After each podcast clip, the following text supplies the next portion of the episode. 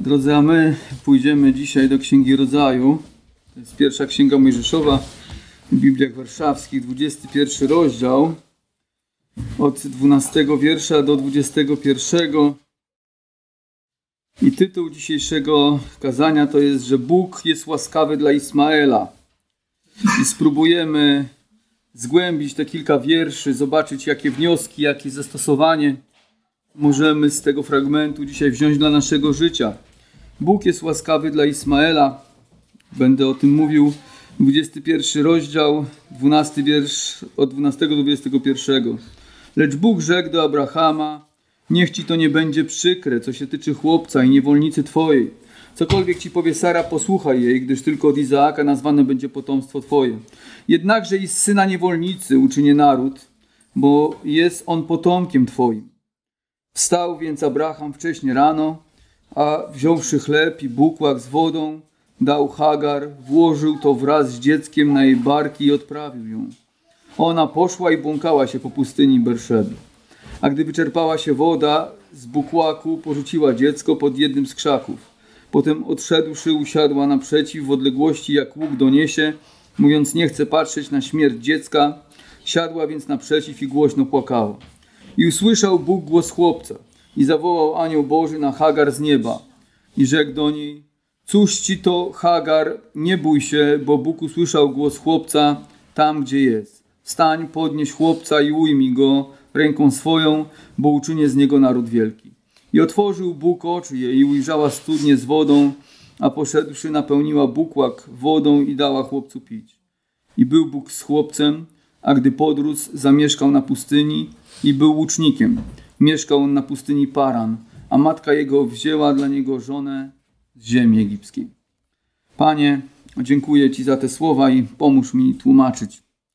Drodzy, wiemy, że Abraham był zmuszony, czytaliśmy przed chwilą, oddalić Hagar i Ismaela, choć to powodowało ból w jego życiu, bo Ismael przecież też był jego synem, synem, którego kochał. Wyobraźcie sobie, jeśli macie dzieci, że kochacie własne dziecko i musicie je po prostu zostawić, oddalić. Mówiliśmy o tym ostatnio, że postępowanie Boga w tej sytuacji jest dla nas trudne do zrozumienia i może wydawać się okrutne oraz niesprawiedliwe, szczególnie z perspektywy Hagar i Ismaela. Jednak było to konieczne, by chwała z życia Abrahama była tylko dla Pana i Abraham nie myślał, że coś osiągnął o własnych siłach. Nic, co jest wynikiem naszych cielesnych starań, nie może przynieść Bogu chwały. Jedynie owoc Ducha Świętego działającego w nas może być dla Pana ofiarą, która zyska Jego upodobanie. To o tym mieliśmy tydzień, yy, dwa tygodnie temu. Chyba.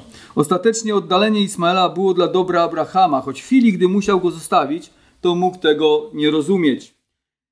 Kolejna rzecz z tego naszego fragmentu jest taka, kolejny punkt, mam takie cztery punkty e, na podstawie naszego fragmentu. I po pierwsze, że Bóg chce być na pierwszym miejscu w życiu Abrahama.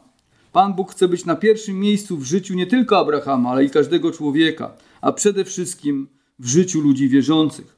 Często Pan doprowadza swoje sługi w życiu wiary do miejsca, gdzie muszą zostawić coś lub kogoś, jak w przypadku Abrahama, co mogłoby stać nam na przeszkodzie w zbliżaniu się do Pana. Nie wiem, czy miałeś takie sytuacje, ale ci, którzy chodzą z Panem, nieraz Pan dotyka rzeczy, które kochają, które są dla nich ważne, które lubią, które są dla nich cenne i chce, żeby człowiek e, postawił Pana Boga na pierwszym miejscu, a te rzeczy gdzieś zepchnął na dalszy plan.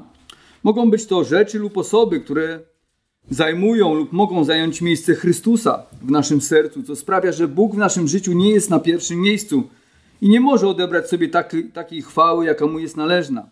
Może być to na przykład nasza rodzina, którą kochamy, nasze dzieci, małżonek, rodzice, przyjaciele, nasze osiągnięcia. Może być to kariera, rozwój zawodowy, ziemskie sukcesy, coś na czym budujemy nasze bezpieczeństwo i poczucie wartości poza Bogiem. No, w świecie tak jest, że ludzie budują poczucie swojego bezpieczeństwa na swoich znajomościach, na to, że mają bliskie relacje ze swoją rodziną, osiągnęli jakiś sukces, zdobyli jakieś wykształcenie. Jednak w życiu wierzących wszystko to może zajmować miejsce Zbawiciela i być formą bałwochwalstwa. Dlatego Pan chce, by zostało to porzucone i nie było przeszkodą w relacji między nami a Nim. Pan Jezus mówił o tym w ten sposób. Zobaczmy na Ewangelię Łukasza, 14 rozdział, 25 i 26 wiersz. Ewangelia Łukasza, 14 rozdział, 25 i 26 wiersz. A szły za nim liczne tłumy i obrudziwszy się, rzekł do nich: Jeśli kto przychodzi do mnie, a nie ma w nienawiści ojca swego, i matki, i żony, i dzieci, i braci, i sióstr, a nawet i życia swego, nie może być uczniem moim. Dla wielu jest to niezrozumiałe, czy Pan Jezus każe nam nienawidzić naszych bliskich. No nie, wiemy, że Pan Jezus stosuje tu taki sposób prawinistycznej nauki, która mówi o tym, że miłość do Boga, a miłość do, a między miłością do Boga, a miłością do Twoich bliskich powinna być duża przepaść, także y, niemalże to jakby była nienawiść. Więc Bóg mówi, że Jego mamy postawić na pierwszym miejscu. Również mówi w Mateusza 10:37: Kto miłuje ojca albo matkę bardziej niż mnie, nie jest niegodzien. Kto miłuje syna albo córkę bardziej niż mnie, nie jest niegodzien. Wezwania Pana Jezusa do postawienia Go na pierwszym miejscu przed naszymi bliskimi wynikają z najważniejszego przykazania, które Bóg dał ludziom, że będziesz miłował Pana Boga swego z całego serca swego i z całej duszy swojej i z całej myśli swojej. Niekiedy myślimy, że jak postawimy Boga na pierwszym miejscu, a to, co wcześniej było na miejscu Boga, wypuścimy z rąk, to to stracimy. Jednak często Pan sprawia tak, że gdy oddajemy mu coś, to on to pomnaża. Zawsze tak sprawia. Czasami nie daje nam może tego samego, ale w sytuacji rodziny, gdy oddajemy po prostu naszą rodzinę, gdy ona schodzi na dalszy plan, nasi bliscy, to tak naprawdę jeszcze bardziej później ich miłujemy, bo miłujemy ich miłością Chrystusową. Abraham był zmuszony wybrać między miłością do Ismaela a miłością do Pana i przeszedł zwycięsko tą próbę. Choć kochał Ismaela i ciężko mu było go odprawić, to Boga kochał jeszcze bardziej. To Boga kochał jeszcze bardziej.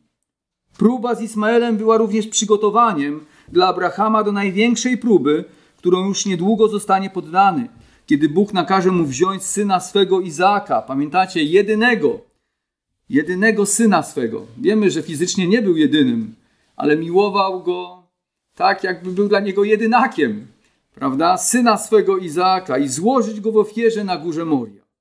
Nie tylko Ismael, ale także Izaak nie może zajmować miejsca Pana, Boga w sercu Abrahama.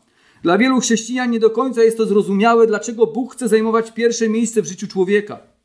Biblia mówi, że konieczność ta wynika z celu naszego istnienia i tego, kim jest Bóg. Celem naszego istnienia jest życie dla Bożej chwały, a nasz Stwórca jest tak wspaniały i tak wielki, że jest w stu procentach jej godny. I tak naprawdę wtedy, kiedy postawimy Boga na pierwszym miejscu, to potrafimy miłować naszą rodzinę i mieć odpowiedni stosunek do tego wszystkiego, co robimy, taki jak Bóg by chciał.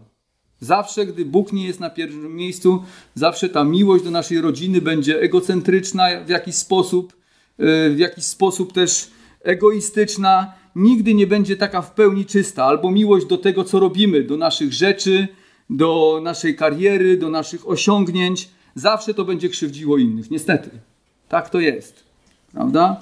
Dopiero wtedy, kiedy kochamy Boga w takim stopniu, jak On tego od nas oczekuje, możemy kochać coś innego w takim stopniu, żeby to przynosiło Mu chwałę. Jak czuliby się kochający rodzice, gdyby wychowali jak najlepiej swoje dzieci? One w ogóle nie okazywałyby im zainteresowania lub uważali ich za zbędnych, albo większym uczuciem darzyli innych. Jak się czuje artysta jakiegoś dzieła, któremu skradziono jego twórczość? i komu innemu przypisano uznanie za nie. Tak też i naszemu Bogu musi być przykro, gdy Jego dzieci zamiast miłować Go pozwalają, by Jego miejsce zajął ktoś inny. Niestety w tym świecie jest wiele rzeczy, które chce zdobyć naszą uwagę i nasze serce kosztem uwagi dla Pana Boga, a Pan przecież powiedział, ja Pan, a takie jest imię moje, nie oddam mojej czci nikomu, ani mojej chwały bałwanom. To jest Izajasza 42, 8. Więc gdyby nam Bóg kazał odprawić Ismaela, gdyby mi kazał odprawić Ismaela, mojego ukochanego syna, na moim miejscu to jest Samuela, na twoim miejscu to będzie ktoś inny. Gdyby mi Bóg kazał to zrobić, albo tobie coś, co kochasz, osoby, które kochasz. Czy uczyniłbyś to? Uczyniłabyś to? W rzeczywistości nakazuje Pan to zrobić. Za każdym razem, gdy mówi, musisz mnie miłować bardziej niż cokolwiek innego na tym świecie. Tak naprawdę nakazuje nam to zrobić. Za każdym razem, gdy gdzieś brzmią w naszym sercu słowa, musisz mnie miłować bardziej niż cokolwiek innego na tym świecie. Druga rzecz jest taka w naszym fragmencie, że Bóg lepiej troszczy się o naszych bliskich niż my sami. Jednakże syna niewolnicy uczynię naród, trzynasty wiersz, bo jest on potomkiem Twoim. Tak? Więc Bóg dał obietnicę, że uczyni naród. Później wiemy, że oni zgubili się na pustyni i czytamy dalej, że usłyszał Bóg głos chłopca i zawołał anioł Boży na Hagar z nieba i rzekł do niej, cóż ci Hagar, nie bój się, bo Bóg usłyszał głos chłopca tam, gdzie jest. A później czytamy w dziewiętnastym, otworzył Bóg oczy jej i ujrzała studnię z wodą i poszedłszy napełniła bukłak wodą i dała chłopcu pić. Abraham odprawiając Hagar i Ismaela musiał zaufać Panu, że Bóg lepiej zaopiekuje się jego bliskimi niż on sam. Pan powiedział, by posłuchał Sary i wypędził niewolnicę z jej synem, czytamy w dwunastym wierszu. Choć ciężko było, było mu to zrobić, to jednak Bóg łagodził jego ból i dał mu obietnicę, że zatroszczy się o nich. Tak jak czytałem właśnie w trzynastym wierszu. Abraham musiał zaufać tej obietnicy, że bezpieczeństwo Hagar i Ismaela nie zależy od niego, ale od Pana i nawet w sytuacji, gdy zostaną pozbawieni opieki Abrahama, to wciąż są pod skrzydłami Najwyższego i nic im nie grozi. Wciąż są pod skrzydłami Najwyższego. Może spotkać ich tylko to, na co Bóg pozwoli i dokąd Bóg ich poprowadzi. Podobnie i my, idąc za Chrystusem, musimy zaufać, że Bóg lepiej się troszczy o naszą rodzinę niż my sami to czynimy i należy ich powierzyć w Boże ręce. Bóg jest przy nich nawet wtedy, gdy nas tam nie ma, więc niepotrzebnie, przesadnie się o nich martwimy. Może zbyt często. Czasami też, gdy część osób w naszej rodzinie nie zna Pana, to jesteśmy zmuszeni zranić naszych bliskich, wybierając posłuszeństwo Chrystusowi, jak Abraham musiał swoją decyzją zranić swego syna, by okazać posłuszeństwo Bogu. Często niewierząca rodzina nie rozumie naszych decyzji wynikających z miłości do Pana Jezusa i reaguje na nie gniewem oraz złością, oskarżając wierzących o zdradę i brak miłości.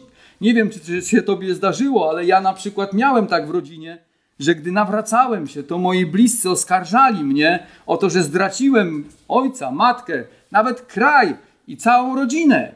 Prawda? Bo Polak katolik to wiadomo, no Polak katolik to jest jedyny prawdziwy Polak. No innego Polaka to być nie może. Jeśli nie jesteś już Polakiem katolikiem, to nie jesteś patriotą, nie kochasz y, swoich rodaków, swojego kraju, ale nie kochasz też ojca, matki, ciotki, wujka i, i całej swojej rodziny. Prawda?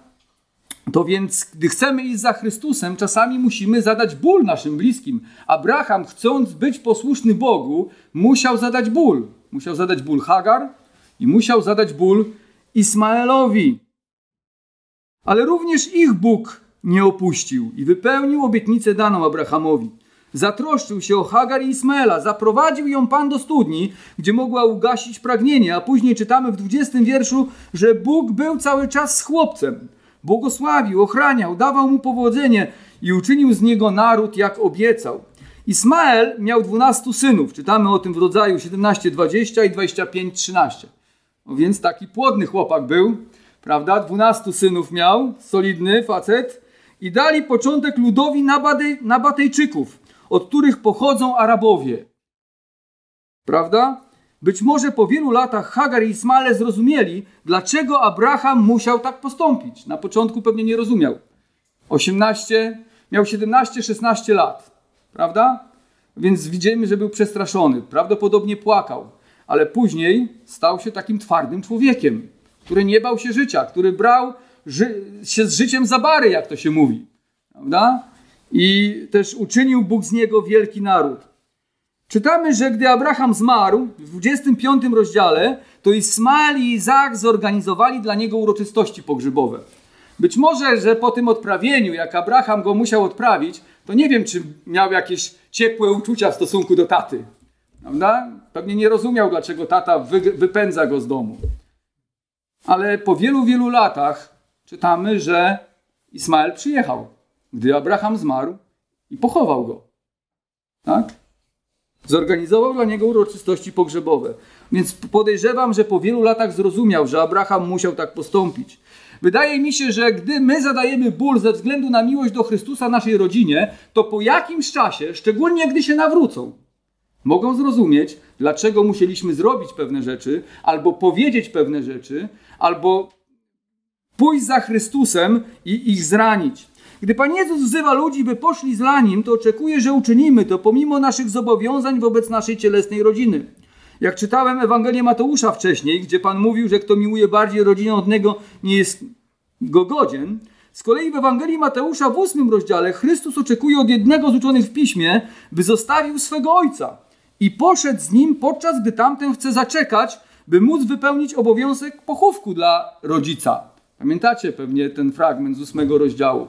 Zaczekaj, aż mój ojciec umrze, a wtedy pójdę za tobą. Pan Jezus powiedział, niech umarli grzebią swoich umarłych, a ty chodź za mną. Pan Jezus powiedział, że skoro przyszło do niego Królestwo Boże, to powinien, nie powinien zwlekać i oglądać się na rodzinę, bo nawet rodzina może stać się przeszkodą przed pójściem za Chrystusem. Również Pan Jezus w posłuszeństwie swojemu Ojcu był zmuszony zadawać emocjonalne cierpienie swojej rodzinie, gdy musiał im odmawiać w chwilach, gdy oni chcieli odwieźć go od y, służenia swojemu Ojcu albo od misji zleconej mu przez Boga. Choćby ta sytuacja, kiedy tam Maria podeszła do niego, prawda, i nakazała, znaczy poprosiła go, żeby rozwiązał ten problem z tym, że wina nie mają. On powiedział, co ty chcesz ode mnie, niewiasto? Prawda? To nie jest jeszcze moja godzina. I w innych sytuacjach, w Ewangelii Marka czytamy, że rodzina przyszła go pochwycić, bo myśleli, że odszedł od zmysłów. No. A on powiedział przecież tam wyraźnie, że moją rodziną są ci, którzy słuchają Słowa Bożego i strzegą go. Wydaje mi się, że to musiało ich ranić. Nie? Że jakby odcinał się od nich. Ale odcinał się od nich, dlatego że chciał być posłuszny swojemu ojcu. Więc to jest dla nas wzór, jak powinniśmy naśladować naszego Zbawiciela. Więc oddajmy też nasze rodziny w modlitwie w Boże ręce, wiedząc, że Pan zatroszczy się o nich. Nie bój się tym, że jak będziesz posłuszny Chrystusowi, to zranisz swoją rodzinę i ze względu na to, że ich zranisz, to nie będziesz posłuszny Chrystusowi. Abraham tak nie zrobił. Zobaczcie, był gotowy zranić i być posłuszny Chrystusowi i musiał jednocześnie zaufać, że Bóg zatroszczy się o jego rodzinę. Jeśli chcesz, żeby Bóg zatroszczył się o Twoją rodzinę, musisz iść pomimo wszystko za Zbawicielem. Starajmy się, by nasza lojalność wobec naszych rodzin, rodziców czy dzieci nie powstrzymywała nas przed czynieniem Bożej woli. A niestety tak również w życiu wierzących ludzi bywa, gdy na przykład nadmierna troska o dzieci czy innych bliskich powstrzymuje nas przed służeniem Panu Jezusowi Chrystusowi. Należy także zaufać Chrystusowi w przypadku, gdy już mamy dorosłe dzieci i nie mamy na nich wpływu takiego, jaki chcielibyśmy mieć. Po prostu nasze dzieci stały się samodzielne i mogą nas posłuchać, ale nie muszą. Mają po prostu często swoje życie. Choć my nie możemy już ich poprowadzić, jak byśmy chcieli, to Pan ich nie pozostawia i nadal są przed przemożną jego, pod przemożną Jego ręką i wpływem. On nadal może ich prowadzić. To więc musimy zaufać, że choć może nie mamy już na nich wpływu, to Bóg ma na nich ciągle wpływ. Może wyjechali daleko. Prawda? Tak naprawdę to przyszłość naszych dzieci i rodzin ostatecznie nie zależy od nas. Niestety często tak myślimy, nawet w kościele, że jeśli damy naszym dzieciom dobre wykształcenie i dobry start, to będzie im się dobrze w życiu układało. A skąd wiesz? A skąd wiesz? Czy to zależy od ciebie? Czy od Boga? Nie wiemy. Możemy jako rodzice wszystko uczynić dobrze, a i tak nie jesteśmy w stanie uchronić naszych bliskich przed chorobami, przed tragediami. Dzisiaj mówiła Ewa o tym, złymi ludźmi, złymi wyborami i wieloma innymi rzeczami, które mogą im się przytrafić. Możemy także popełnić wiele błędów wychowawczych w relacji z naszymi bliskimi, ale jeśli Pan obejmie ich opieką, to nawet gdy wylądują w szczególnie trudnym położeniu, jak Hagar i Ismael, to sobie poradzą, bo Pan ich wspiera.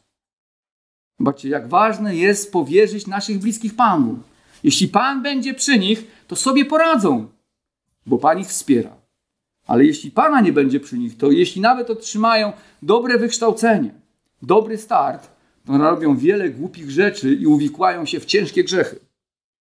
O co zabiegamy dla naszych bliskich? Czy o to, żeby uchronić ich przed wyzwaniami życia i wszelkimi trudnościami, myśląc, że damy im dobrą przyszłość przez naszą troskę, czego i tak nie jesteśmy w stanie uczynić? To jest po prostu oszustwo.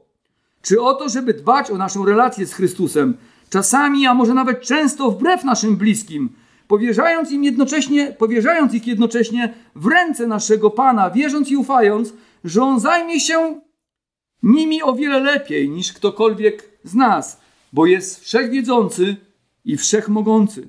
Nie chciałbym być tutaj źle zrozumiany. Nie chodzi mi o to, że nie mamy troszczyć się o bliskich. Mamy to czynić, ale przede wszystkim mamy ich powierzyć w modlitwie w ręce Chrystusa, aby On sam się nimi zaopiekował i nie zamartwiać się nadto o ich przyszłość. Trzecia rzecz jest taka, że brak zaufania w Boże obietnice przynosi rozpacz. Czytamy to w naszej sytuacji.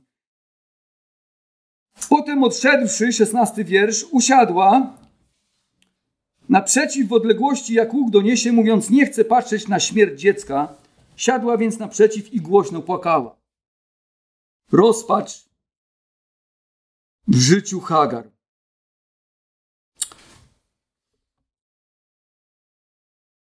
Widzimy, że Hagar z Ismaelem znaleźli się w trudnej sytuacji. Prawdopodobnie zabłądzili na pustyni w podróży do Egiptu po tym, gdy Abraham ich zaopatrzył w zapasy i oddalił. Czytaliśmy, że dał im bukłak, że dał im jakieś jedzenie i prawdopodobnie wysłał ich do Egiptu. Po prostu Hagar miała wracać do miejsca, skąd pochodziła.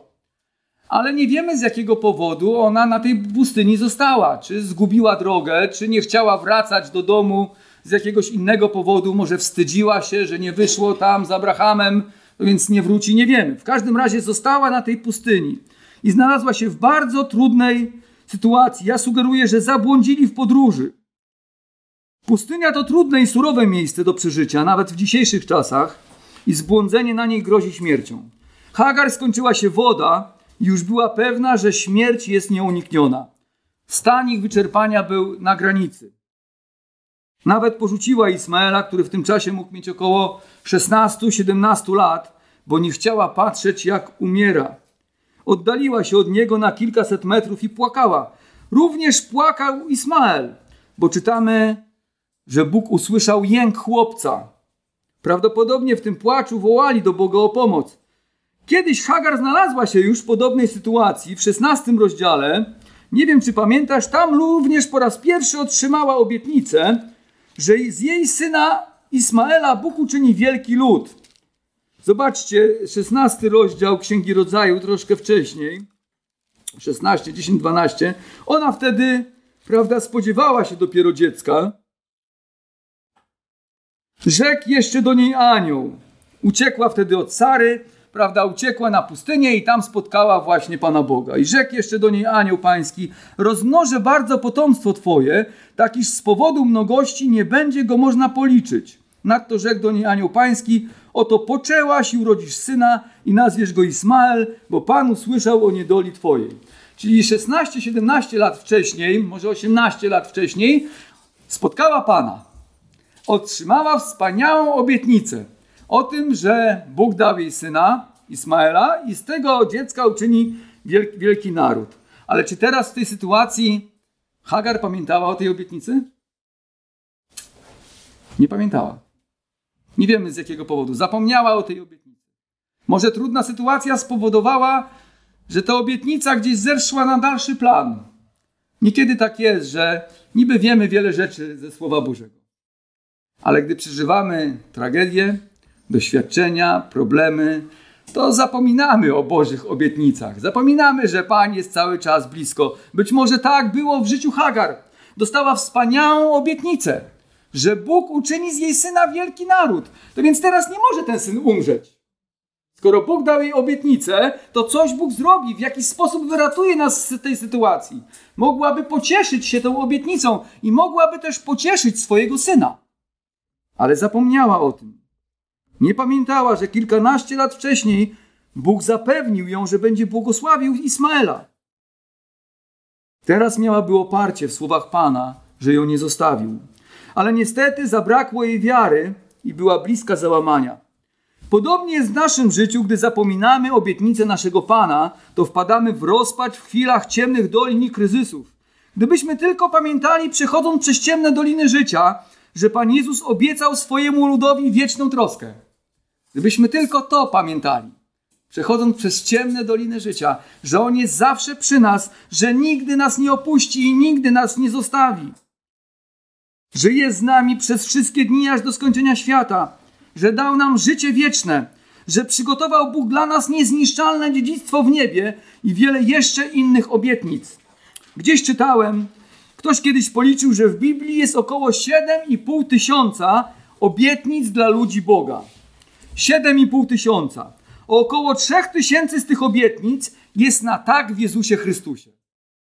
Około 3 tysięcy obietnic. Zastanawiam się, czy ktoś kiedyś wypisał te wszystkie obietnice, które są na tak dla nas w Jezusie Chrystusie, dla ludu Bożego. Biblia to księga obietnic Bożych dla Bożych dzieci, które nie mogą zawieść, bo nie może zawieść Boże Słowo. Czytamy w Rzymian 9:6.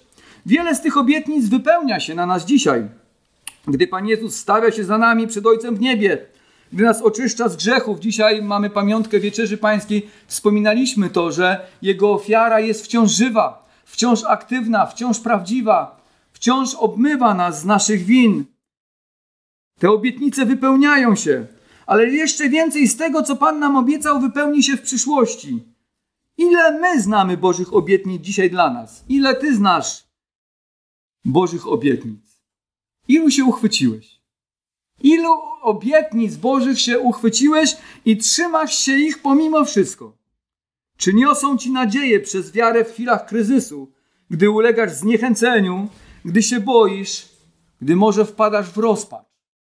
Czy przypominasz sobie te Boże obietnice, które są dla ludu Bożego? Niestety, gdy zapominamy o obietnicach naszego Pana, to reagujemy jak Hagar w naszym fragmencie. Tracimy nadzieję i pogrążamy się w rozpaczy. To już koniec. Ale nie musi tak być. Pielęgnujmy Boże Słowo w naszych sercach. Pamiętajmy, że Pan Jezus jest zawsze przy nas obok, by natchnąć nas nadzieją i podnieść w chwilach niedoli.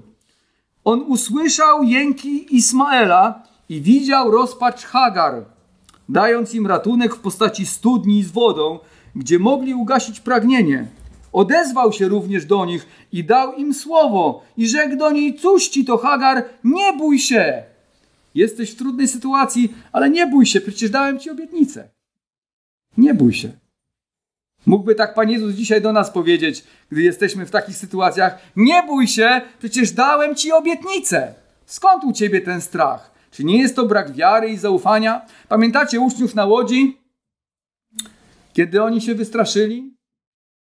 Prawda? I Pan Jezus mówi: Wiary nie macie. Wiary nie macie. Mają Zbawiciela blisko, ale boją się, że zaraz się utopią.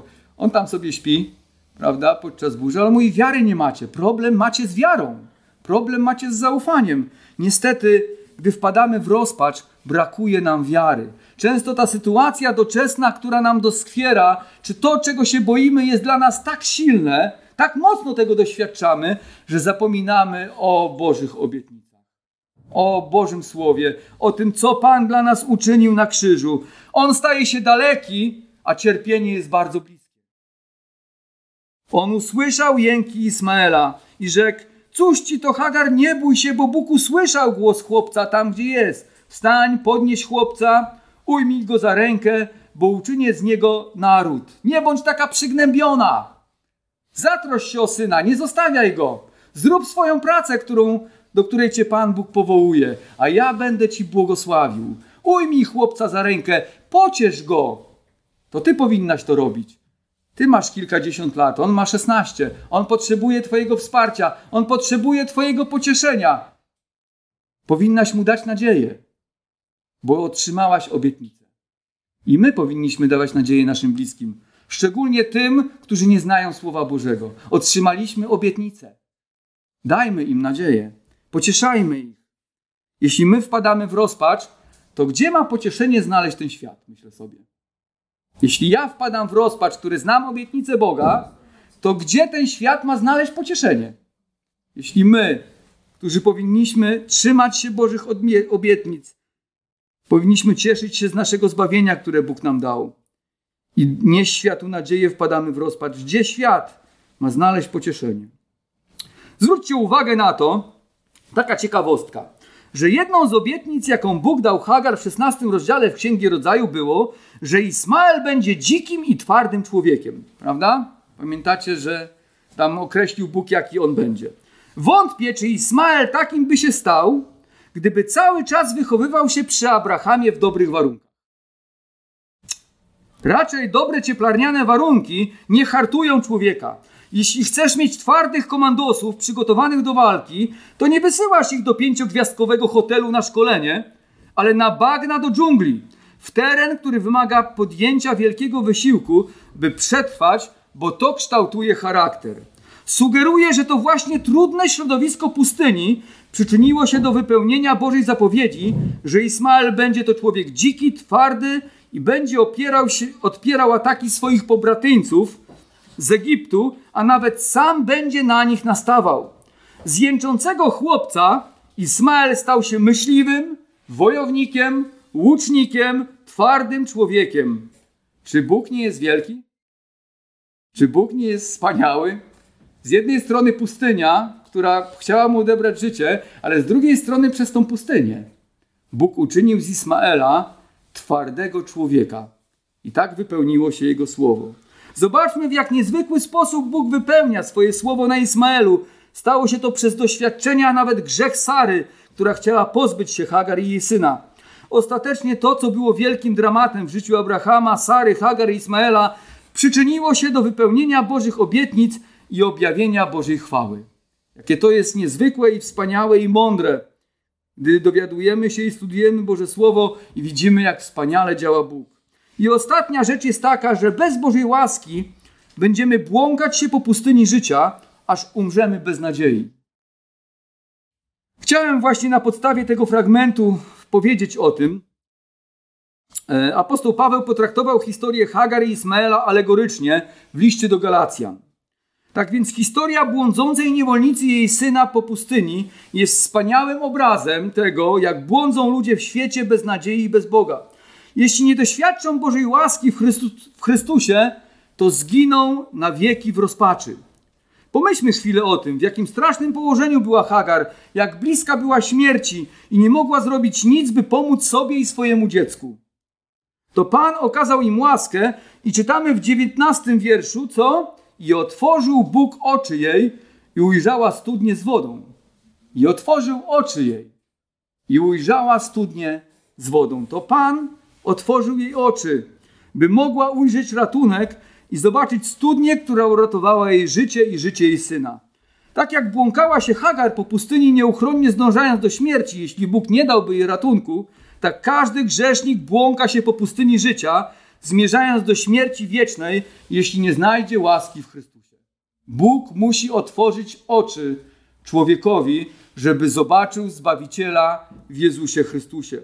Choćby życie człowieka było najlepsze i najwspanialsze, bez Jezusa zawsze jest jałową pustynią, która ostatecznie przynosi rozczarowanie i śmierć. Wszystko jest dobrze, dopóki jeszcze masz zapasy. Prawda? Jak masz zapasy, to jest wszystko dobrze. Czyli jesteś zdrowy, dobrze ci się układa, ale dramat przychodzi, gdy trzeba odejść z tego świata i nie jesteśmy pojednani z Bogiem przez wiarę w Jezusa, który na krzyżu zapłacił za nasze grzechy swoją śmiercią.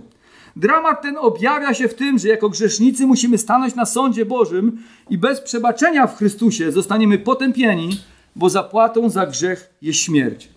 I zapasy, zapasy dla niewierzących się kiedyś skończą. To nie jest tak, że masz wiecznie zapasy. Kiedyś zapasy się kończą. Prawda? Bóg otworzył oczy Hagar i mogła ujrzeć studnię. Nawet niektórzy bibliści, komentatorzy twierdzą, że Bóg stworzył tą studnię i mogła tam zobaczyć tą studnię. Ja sugeruję, że Bóg ją zaprowadził w miejsce, gdzie była studnia. Po prostu błąkała się tam i mogła dojść do miejsca, gdzie była studnia. Bóg otworzył jej oczy na źródło, wodę, która uratowała jej życie. Zobaczmy, że to Pan otworzył jej oczy, by mogła ujrzeć ratunek, a nie ona sama to znalazła. Dzisiaj ten ratunek dla ludzi jest w Jezusie. Ale tak jak Hagar o własnych siłach nie widziała studni, tak większość ludzi nie widzi wody życia, którą jest Jezus Chrystus. Potrzebują oni Bożej łaski. My potrzebujemy Bożej łaski. Cały świat potrzebuje Bożej łaski, by dostrzec w Jezusie Chrystusie, w Jego ofierze na krzyżu i zmartwychwstaniu, prawdziwy wieczny ratunek przez Jego dzieło. to Bóg Ojciec otwiera nam oczy na Bożego Syna i pozwala zobaczyć, że Pan Jezus jest drogą, prawdą i życiem. Zobaczcie, co sam Pan Jezus o tym mówił w Ewangelii Jana w szóstym rozdziale, 44 i 45 wiersz. Nikt nie może przyjść do mnie, jeżeli go nie pociągnie Ojciec, który mnie posłał, a ja go wskrzeszę w dniu ostatecznym. Napisano bowiem u proroków i będą wszyscy pouczeni przez Boga. Każdy, kto usłyszał od Ojca i jest pouczony, przychodzi do mnie. To więc Pan Jezus mówi, że Ojciec otwiera serce, że możesz ujrzeć w Chrystusie Zbawiciela. Że to nie wynika z Ciebie. Nie jest to wynik twojej, Twojego intelektu, przeczytania wielu książek, czy nawet tego, że ktoś Ci zwiastował, bo przecież zwiastujemy wielu ludziom. Ale większość z nich po prostu nie chce się nawrócić. To więc Biblia mówi, że Bóg otwiera serce, żebyś mógł zobaczyć, że osoba Jezusa Chrystusa jest tym kamieniem węgielnym, na którym musisz budować swoje życie. Podobnie to powiedział Pan Jezus w Ewangelii Mateusza w 11 rozdziale 25 i 26. W tym czasie odezwał się Jezus i rzekł: Wysławiam Cię, Ojcze, Panie nieba i ziemi, że, zakryłeś te rzeczy przed mądrymi i roztropnymi, a objawiłeś je prostaczką. Zaprawdę, Ojcze, bo tak się Tobie upodobało. Zobaczcie, zwróćcie uwagę na ten zwrot. Zakryłeś te rzeczy przed mądrymi i roztropnymi, a objawiłeś je prostaczką. Bóg jednym zakrył, a innym objawił. Bo tak się Tobie upodobało. Jest o wiele więcej fragmentów mówiących o tym, że to Bóg otwiera oczy na ratunek w Jezusie. Nie jesteśmy w stanie ich tutaj wszystkich przywołać. Te jednak nam wystarczą na potwierdzenie, że jeśli widzimy w Jezusie Chrystusie Zbawiciela, jak Hagar widziała studnię, to nie jest to naszą zasługą, ale Bóg otworzył nam oczy, byśmy mogli doświadczyć przebaczenia i żyć na wieki. Po tym, gdy Pan przemówił do Hagar i wskazał jej studnię, mogła go uwielbiać i dziękować za okazaną łaskę. Tak i my powinniśmy wychwalać Boga w Chrystusie na wieki, że tak się nad nami zmiłował. Podsumowując, cztery rzeczy powiedzieliśmy. Abraham musiał wybrać między Ismaelem a posłuszeństwem Panu. Wybrał posłuszeństwo Bogu. W ten sposób dowiódł, że Bóg jest na pierwszym miejscu w jego życiu. Również nasze życie przede wszystkim ma być skupione na miłości do naszego Zbawiciela. A wszystko, co próbuje zająć miejsce Chrystusa w naszym sercu, rodzina, kariera zawodowa, hobby, osobiste ambicje, powinno zostać odrzucone.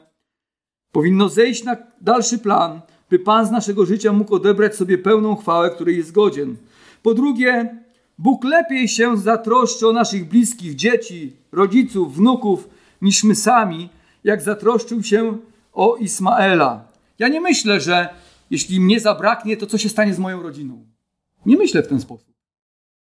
Po prostu chcę oddać ich Panu, że Bóg zatroszczy się o nich, nawet jeśli mnie zabraknie. Nie musisz się o to martwić. Dlatego należy oddać nasze rodziny w modlitwie w ręce Pana i głosić im Ewangelię. Nie bój się, że ciebie zabraknie, co się stanie z twoimi dziećmi. Nie jesteśmy w stanie ich ochronić przed wszystkimi zagrożeniami i dać im bezpiecznego życia.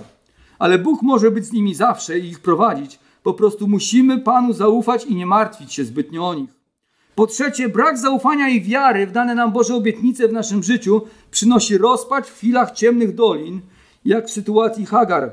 Choć miała Bożą obietnicę 17 lat wcześniej, że Bóg będzie błogosławił jej syna, to zapomniała o niej. Drodzy, nie wypuszczajmy z rąk Bożych obietnic. Uczmy się na pamięć i aby głęboko one zakorzeniły się w naszych sercach. Charles Spurgeon chyba napisał taką książkę e, Klejnoty Bożych Obietnic. Może warto sobie odświeżyć. To jest stara książka, ale wspaniała książka właśnie o Bożych obietnicach. Po czwarte, to Boża łaska sprawiła, że Hagar zobaczyła studnię, która uratowała jej życie. Podobnie w życiu wierzących w Jezusa to Boża łaska sprawiła, że nie oni sami zobaczyli w Bożym Synu Zbawiciela, ale Bóg otworzył nam oczy. W związku z tym powinniśmy za to dziękować Panu na wieki, że objawił nam swego Syna, gdy my błąkaliśmy się bez prawdziwego celu po pustyni życia. Amen.